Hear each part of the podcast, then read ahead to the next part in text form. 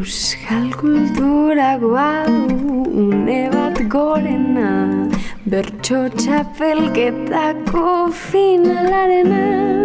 Txapel beltza Euskal ikurna barmena Bederatzi lagunek baino ez dutena.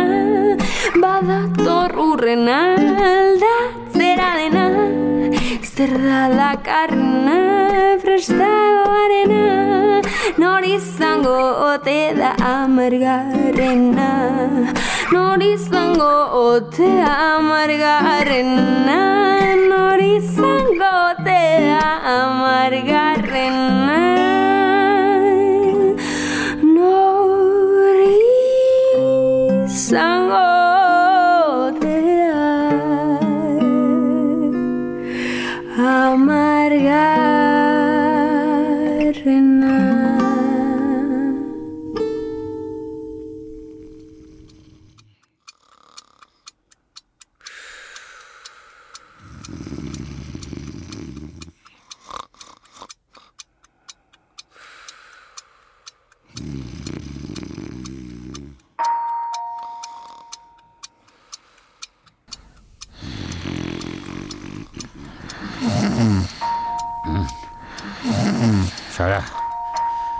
nor, norbait dago atian, eh?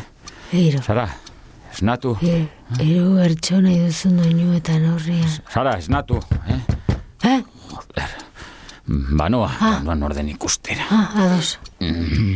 Gero etorri berri zobera, eta ez egin zaratarik.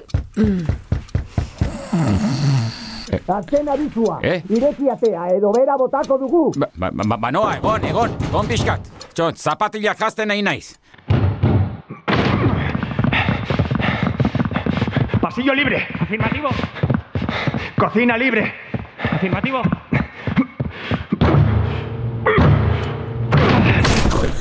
¡Es Guácora! ¡Es Mugitu! Joder. Da pixa egiteko ere, naiz eta sekulako pixa gure izan.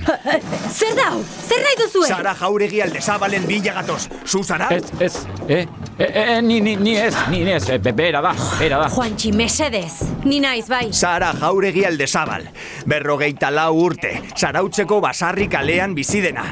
Epaiaren aginduz, atxilo eramango zaitugu komisariara.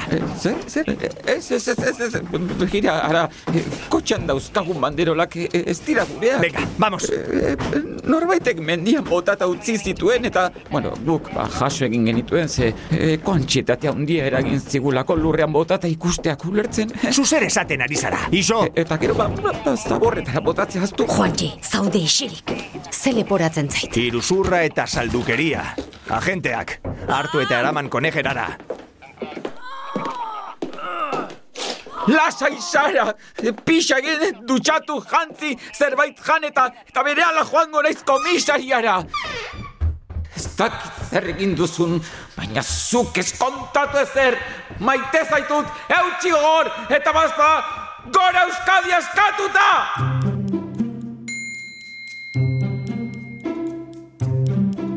Azimut Faktoriak aurkezten du Amargarrena.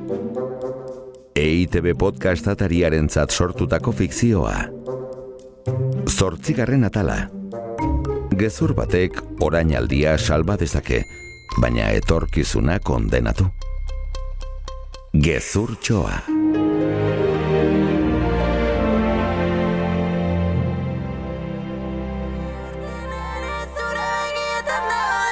Gezur batek orainaldia salba dezake.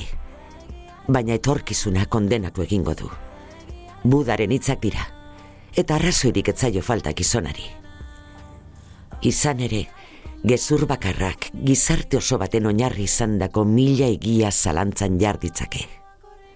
Aukeratu zure bizitzan euneko eun segurua dela pentsatu duzun zerbait.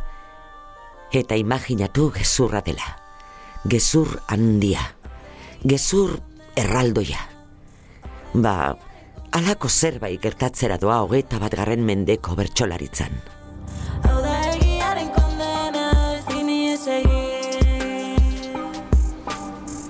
Iepa, egunon. Apa, egunon Xabi. Beno ba, ea zer dugun gaur.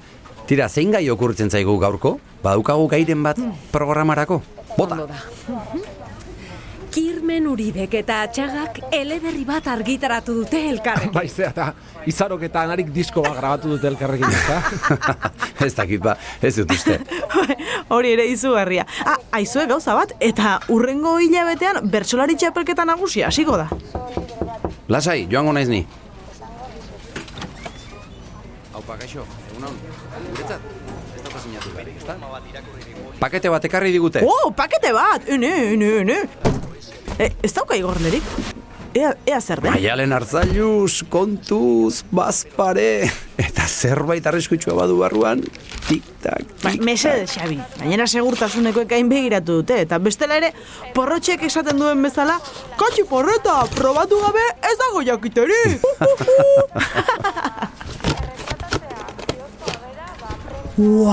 Wow! Zapata kasia zahar bat! Zuek uste duzue bele pokeko zapata pare moñoñoren bat edo izango dela onintzaen beitaren adibidez? Ui, eta zintadun tramankulo hauek zer dira? Wow! Haze altxorrak dauden hemen. Magnetofoi txiki bat, disko txikiak, beta bat, bideozinta zahar bat eta VHS bat ere bai, enne grabazio zaharrak dira. Bai, zure garaietakoak ez da, Xabi. e, e, bueno, eta oharrik edo azalpenik, ez? Ea, utzi ikusten? Ez du, Xabi, ze, zu jakin gozu, nola jartzen da martxan botoi traste zahar hau? Ez ez, ez du ematen hemen ez dago ezer. Xabi, Xabi, kontuz botoi hori, ez? Remintontzaz nago enemorratuta Ez dago pekaturik hau deklaratuta Ikusten duen lanak erreparatuta Ia iteun gobeto bozamuratuta Zer dugu, Jose Manuel? Makuluek ez diate kalerik egin, eh? Gabon basarri. Erlepoko lazoak usten alde karna sartzen. Lasai, lasai, txirrita, lasai, nazio. Ez hasi sesi joan. Bueno, bueno, lasai gizona. Nik deitu zaituztet bilkura honetara. Venga, xeri, jarri men ezkerretara. Venga, bai. Bira, bien bersoaldiak entzun ditut, azken aldian. Sagardotegian, zein plazan, eta zerbait egiten ez badegu, urrengo asteko bertso gudua sekulako ondamendia izango da. Zesaten aiaiz, ze atrebentzi txirrita handiari. Txirritan gati bakarrik ez da, aitzol? Xalbadorren izenean. Hoiek basarri, txirrita eta aitzol dira. Grabazio hori mila bederatzireun eta hogeita amabost ingurukoa izango da. Bai, e, zehazki, itxaron, eh? E, mila behatzireun da hogeita ama bosteko hilbeltzaren amairukoa da. Bueno, hori jartzen du tramankuloaren atzeko pegatina honetan. Ba, esan dizut ba, maialen, justu lehen bertso finala baino astebete lehenago. Zertarako grabatuko eta zuten. Xabi, jarriko alduzu berriz martxan, eta geroko utzi Sherlockeriak. Iso bilak.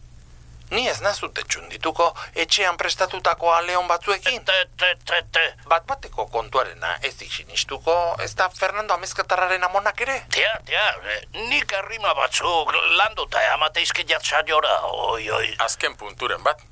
Gehien ez ere... Xo, xo, xo, xo, xo. Hau egingo dugu. Gaiak aldez aurretik esango dizkizuet, zuei bile. Ta? Eta bezperan bertsuak prestatuta ekarriko dizkidazute. Zeba? Piskat txukunuko ditau eta adostuko dugu nordan irabazlea. Ez da pentsature. Hiltzia naio! Lasai, lasai. Zuek zerate txapeldun izateko itxura handiena dezutenak. Baina ez badezute traturik egin nahi, zepai eta matxaini deituko diet? Ez, ez ba, ez da pentsature. Haiek hiltzia naio! Tira, orduan, eh, Leon Castillo egingo dugu. Leon Castillo? Txampona irera bota eta killo. Mm, irabazlea aurten txapeldun eta bestea urrengo urtean, bai? Bale, orduan nik eh, aurpegi ja. Ik aurpegi galanta, bai hoxe. Nik ordon gorotzia. Bale, bale. Bat, bi, eta iru. Ze? Kapendio! Txirritaren barrabilak. Eta Josepa Aranberriren titiak, aizue, hau oso fuertea da, eh? Ufa, ufa, ufa. Lehenengo bi bertsolari txapleketa nagusietan iruzur egin zutela frogatzen duen grabazioa da hori. Ez, ez, ez, ez, ez da posible. O ezin lite. Eta ze egongo da beste disko eta barretan? Lasai, Xabi. Erredakzio taldekoek entzuten jarraituko dugu. Eta zuek gaurko programa prestatu. Bestela, Antxon Telleriak eta Ilaski Serranok bete beharko dute tarte hau ere. Ez harritu. Biba zuekeko erredakzio taldea, Iruña Beleiako sindromeak joko du. Egia ote da egia dirudien hau? Ia mende oso bateko historia gezur baten gainean eraikita ote dago? Zapata kaxabarruko elementu bakoitza, bertsolaritzaren prestigioa birrintzeko bomba nuklear bata. Hiroshimas eta Nagasakiz betetako kargamentua aleza lentzuten joango dira. Eta matrailezurrak lurretik jaso ondoren, ez dute jakingo zer egin Euskal munduan kasgora jar dezakeen deskubrimendu honekin.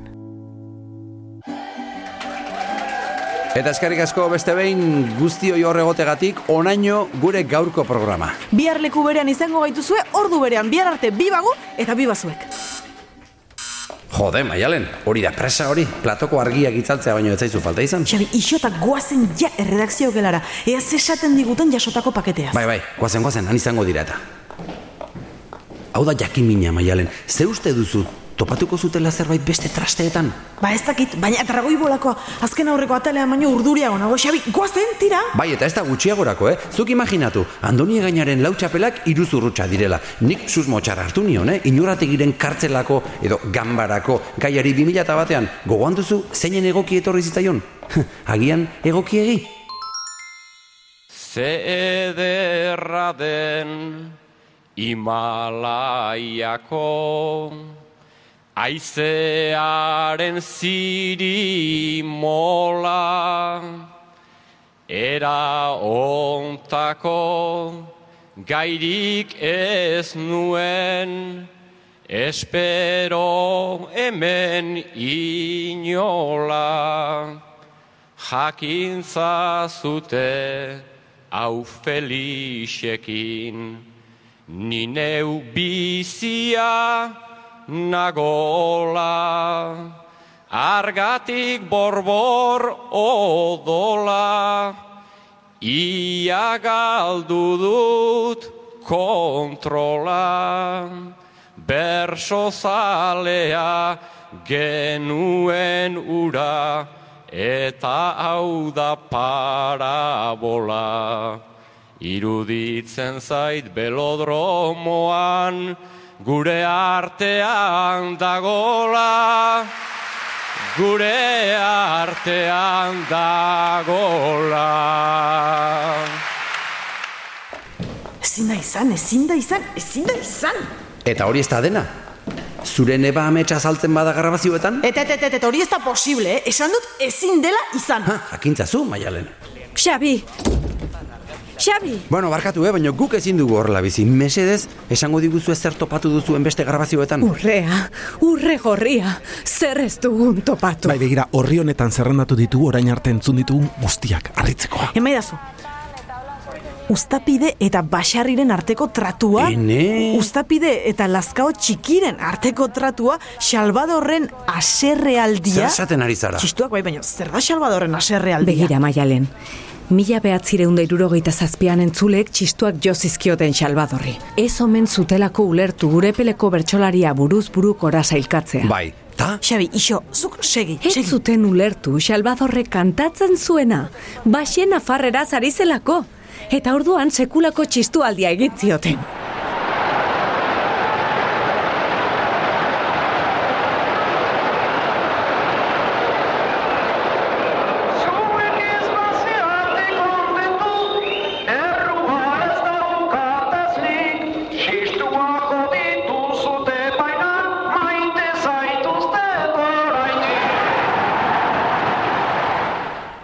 Publikoa Lazkao txikiren aldekoa zen.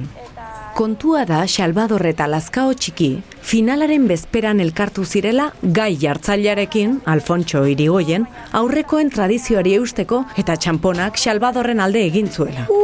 Uf, Jendearen txistuek agerian jarri zuten txamponaren teknika arriskutsu egia zela. Eta erabaki omen zuten puska baterako txapelketa gehiago ez egitea. Zer? Urrengo txapela Salvadorri tokatzen zitzaion, baina etzen beste txapelketarik egin. Ala jaina. Eta gero noski, Euskaltzaindia zorretan sentitu zenez, konpromisoa hartu zuen urtero Salvador eguna ospatzeko urepelen. Eta, eta horregatik da, horregatik ospatzen da, horregatik ospatzen da urtero Salvador eguna arrapazanki. Aizuta, beste hau zer da? Amurizak joko arauak aldatzen ditu? Ba begira maiaren, mila bederatzen eta laro gehian, txapelketak abiatu zituzten berriz. Eta horretarako, bilera bat egin zuten asmatu nun. Arantzazu, Xabier Ramurizak dituta. Faltazena. Arantzazun gertatu ez direnak. Zornotzara ordura arte epaile aritu bazen ere, lehiatzeko zezaldu zen. Xabi, zu bertan egon gozinen, ez da? Eta berak ezarri zituen, intzun ondo, entzun. Baldintza berezi berriak. Espazituen irabazten urrengo txapelketak, ordura arteko iruzurra publiko ingo zuen. Eta da txintxo ematen du, paisak. Ba hori egia da, gogoratzen naiz, larogeikoa eta larogeita bikoa amurizak irabazi zituen. Gogoratzen ditut bere bakarkakoen azken puntu haiek. Orain ikusita aldez aurretik pentsatuak ematen zuten. Hau sinisten ez duenik balda hemen inor. Zuek ez ez esan arren nik esango dut baiet. Baina, larogeita seikora etzen aurkeztu. Ezea, Euskaltzaindiak tratua portu zuelako. Bilasanderen grabazioa dago, Euskarak hitzakarrik ez duela pentsatzen duenari, bum, burua lertzeko modukoa. Eta larogeita seitik aurrera? Oraindik entzuteko eta ikusteko ditugu beste dozena erdi bat zenta. Ados. Nik uste dut biharko bukatu halko dugula lana. Ondo da. E, Nik abisua pasatuko diot EITB-ko zuzendaritzari, zerbait handia dugula esku artean. Eta bihar dena entzundakoan, ba beraiek erabaki izatela zer egin, ezta? Ez dugu erabaki hau guk hartuko. Hau, tsunami bat izango da Euskal Herri osoarentzat. Tsunamia, tsunamia edo betiko galbidea. Tira, bihar gehiago eta hobeto. Ni banoa, eh? Bihar arte. Anaiari, kontuz, eh? Itzik ere ez? Xai, mesedez, eh? Hori berriz ez esan. Aio, aio, bihar. Bihar arte bai. Bai, eta zuek ez geratu berandu arte, eh? Bai, lasai, gu pixka bat gehiago geratuko gara lanean. Aio, aio, bihar arte. Ez bestatu dezala. Eh? ¡Alto! ¡Alto! Ah, alto. Al- ¡Alto! no, a- alto yo no, ¿eh? Yo, yo mido unos 60 raspado, ¿eh? Así que no, no seré yo. ¡Qué gracioso! ¡Deténgase! Ah, ah, ah, es, mi teléfono. Apáguelo y deténgase. Ya, ya, listo. ¿Se puede saber a dónde va? Esto es una comisaría de policía. No, no, eh, vengo, vengo por lo del tema de mi mujer. ¿eh? ¿Qué? Bueno, por lo del tema no, que, que ella no, no ha filtrado ningún tema nunca. No, o sea, nunca, pero, pero nunca, ¿eh? Mira, mira, mire si es discreta que hasta se lleva el móvil a la ducha. ¿Qué tema? ¿Qué, qué mujer? ¿Pero, pero de qué me está hablando? Aizu, ez duzu kasualitatez euskeraz jakingo, ez? Sí, eh, mm, bueno, bai, bai, ni naiz belarri prest. Bueno, bueno, lehen hau esatea bazenukan, ba. E, aizu, non, non daukazuen nire emaztea, Sara Jauregi aldezabal, eh? gai jartzailea da. Gai jartzaile komandokoa? E, e, ez ez, ko, komando, komandokoa, ez, ez, ez, komando... E, ah, nire telefono berriz ebarkatu. E, ba, Listo. Ba- Bai, beno, bera, bera gai jartzailea da. Baina, baina ez komando batekoa, eh? Jodeta, eta ja os bale, eh? Haze figurarekin atera duten teleberrian. Pentsa, nire amak deitu dit esateko berak beti jakin duela etzela firatzekoa. Eta lagunduko didala dibortzioko paperak prestatzen. Eh, bueno, pues los divorcios son en el juzgado, no aquí. Eh, Ez ez, joder, ez nator dibortziatzera. Sara pila bat maite dut, nire bihotzita da. Egunez denon gai jartzaile estelarra, gau ez nire gai jartzaile partikularra. Mesedez, esan non duzen Sara, Sara, Sara jauregi alde zabal. A ver, su mujer se encuentra. Espere que mire.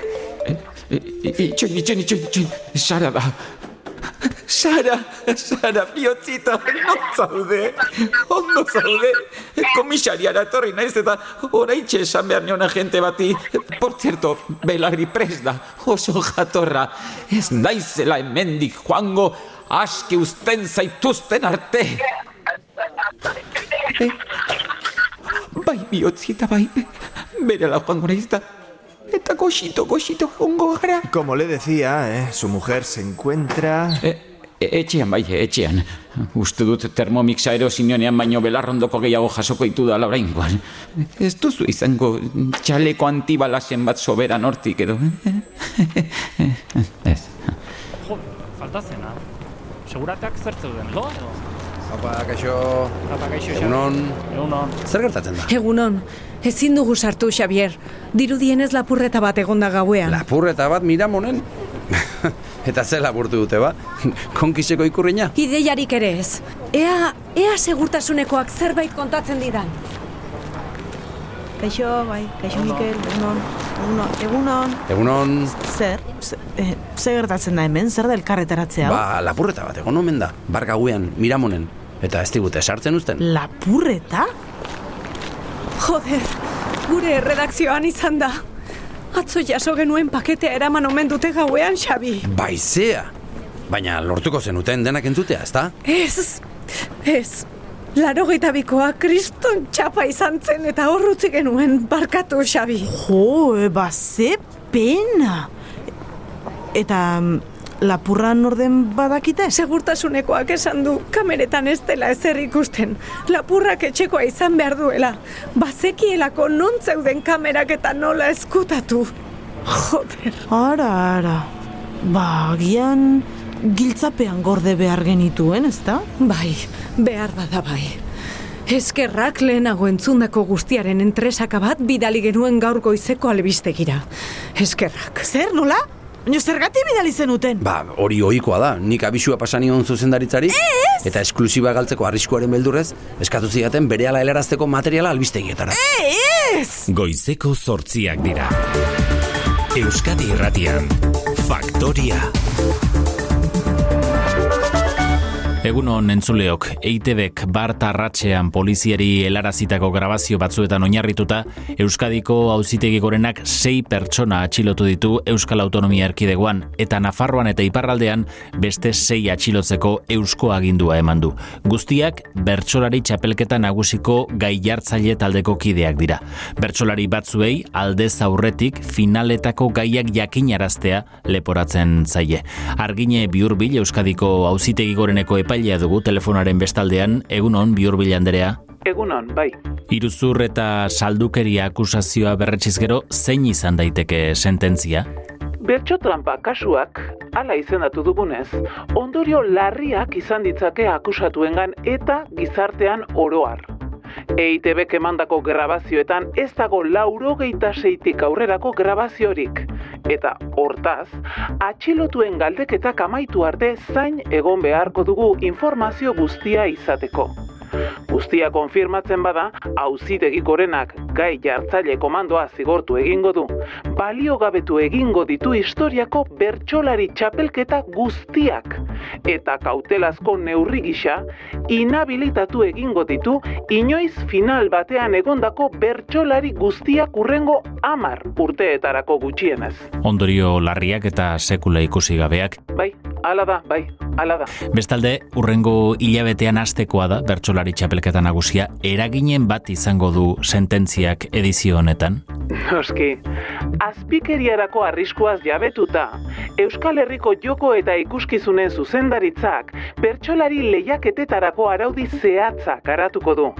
Eta horrerantzean gaiak, konfidentzialak izango dira, sekretupean gordeko dira, eta notario batek irekiko ditu saioa hasi baino minutu bat lehenago. Baina aurreko edizioetan lehiatutako bertsolariek orduan ezingo dute aurkeztu? Ez da neurri polemikoa izango? Beno, kautelazko neurria da, baina ezin bestekoa deritzogu bertsolaritzaren osasun sozialerako. Edizio garbi baten ondoren, benetan jakingo dugu zein den Euskaldunon bapateko gaitasuna, inolako tramparik eta gezurrik gabe. Ados, eskerrik asko biurbil epaile anderea. Bai, tira, eskerrik asko zuei. Entzuleok segidan poliziari helarazitako grabazioetako batzuk eskainiko dizkizuegu esklusiban iragarkiak eta berehala itzuliko gara. Grabazioen berrasterketa eta galdeketa amaituta, ez da gertuko zeitik aurrerako evidentziarik. Baina herridarrez osatutako zinpeko ipaimai batek, errudun joko ditu akusatuak, eta bihurbil epaileak aurreratutako neurriak, egia bihurtuko dira. Zenbait bertsolarik, Europako auzitekira joko dute, ustezko bidegabekeria eta babesgabetasuna salatzeko. Baina tamalez, Euskal Herrian badakigu Europak amar bat urte behar izaten dituela alako kontuak ebasteko. Elkartasunez, aurreko edizioetako bertsolari guztiek erabakiko dute lehiara ez aurkestea. Txapelketak edozein kasutan, aurrera egingo du bere aurkezpen, kanporaketa, finalerdi eta barrekin. Eta benduaren amazazpian, iluntzeko sortzi terdiak aldera, oi bezala, bukaerako erritualaren txanda helduko da. Jaun Andreok bukatzear dago aurtengo bertsolari txapelketa nagusia. Inoizko zale gutxien bildu ditu finalak, baina guk berdin-berdin kontatu dizuegu eta zuzen zuzenean hori bai, ETB bost katetik. Behin betiko emaitza ezagutzeko prozesua aurreko eta baino pixka bat luzeagoa izaten ari da uneotan, Euskal Notarioen elkargoa prozedura osoa gainbegiratzen ari delako. Araudi berriak agintzen duen bezala. Gogora ditzagun azken orduan batu zaizkigun entzuleentzat buruz burukoa jokatu duten bertsolari bien izenak. Batetik Andoni Zabala eta bestetik Miren Biurbil. Andoni Zabala, Antonio Zabala bertso biltzailearen hilo bada. Antonio Zabala auspoa sailaren egila izan zen, bertsolaritzaren dokumentu gehien bildu zituen ikertzailea. Eta miren Euskadiko auzitegi goreneko argine bihurbil epailaren alaba da, ez da? Mm, hau kasualitatea. Hemen da badator gai jartzailea, emaitzen gutuna zala eskuetan dakar. Notarioen elkargoak helarazi dit azken puntuazioa. Eta pres gaude aurtengo Euskal Herriko bertsolari txapelketa nagusiko irabazlearen izena ezagutzeko. Emeretzi koma hogeita bi punturekin, gaurko irabazlea Andoni Zabala da. Txapela Euskaltzain buruak jantziko dio. Eta bukatzeko entzun dezagun Andoni Zabalaren agurra. Hemen gaude eta hause da eguna. Eskerrik asko denoi gaur ni naiz txapelduna. Tralai lara lai lara lai ni naiz txapelduna. Tralai lara lai lara naiz txapelduna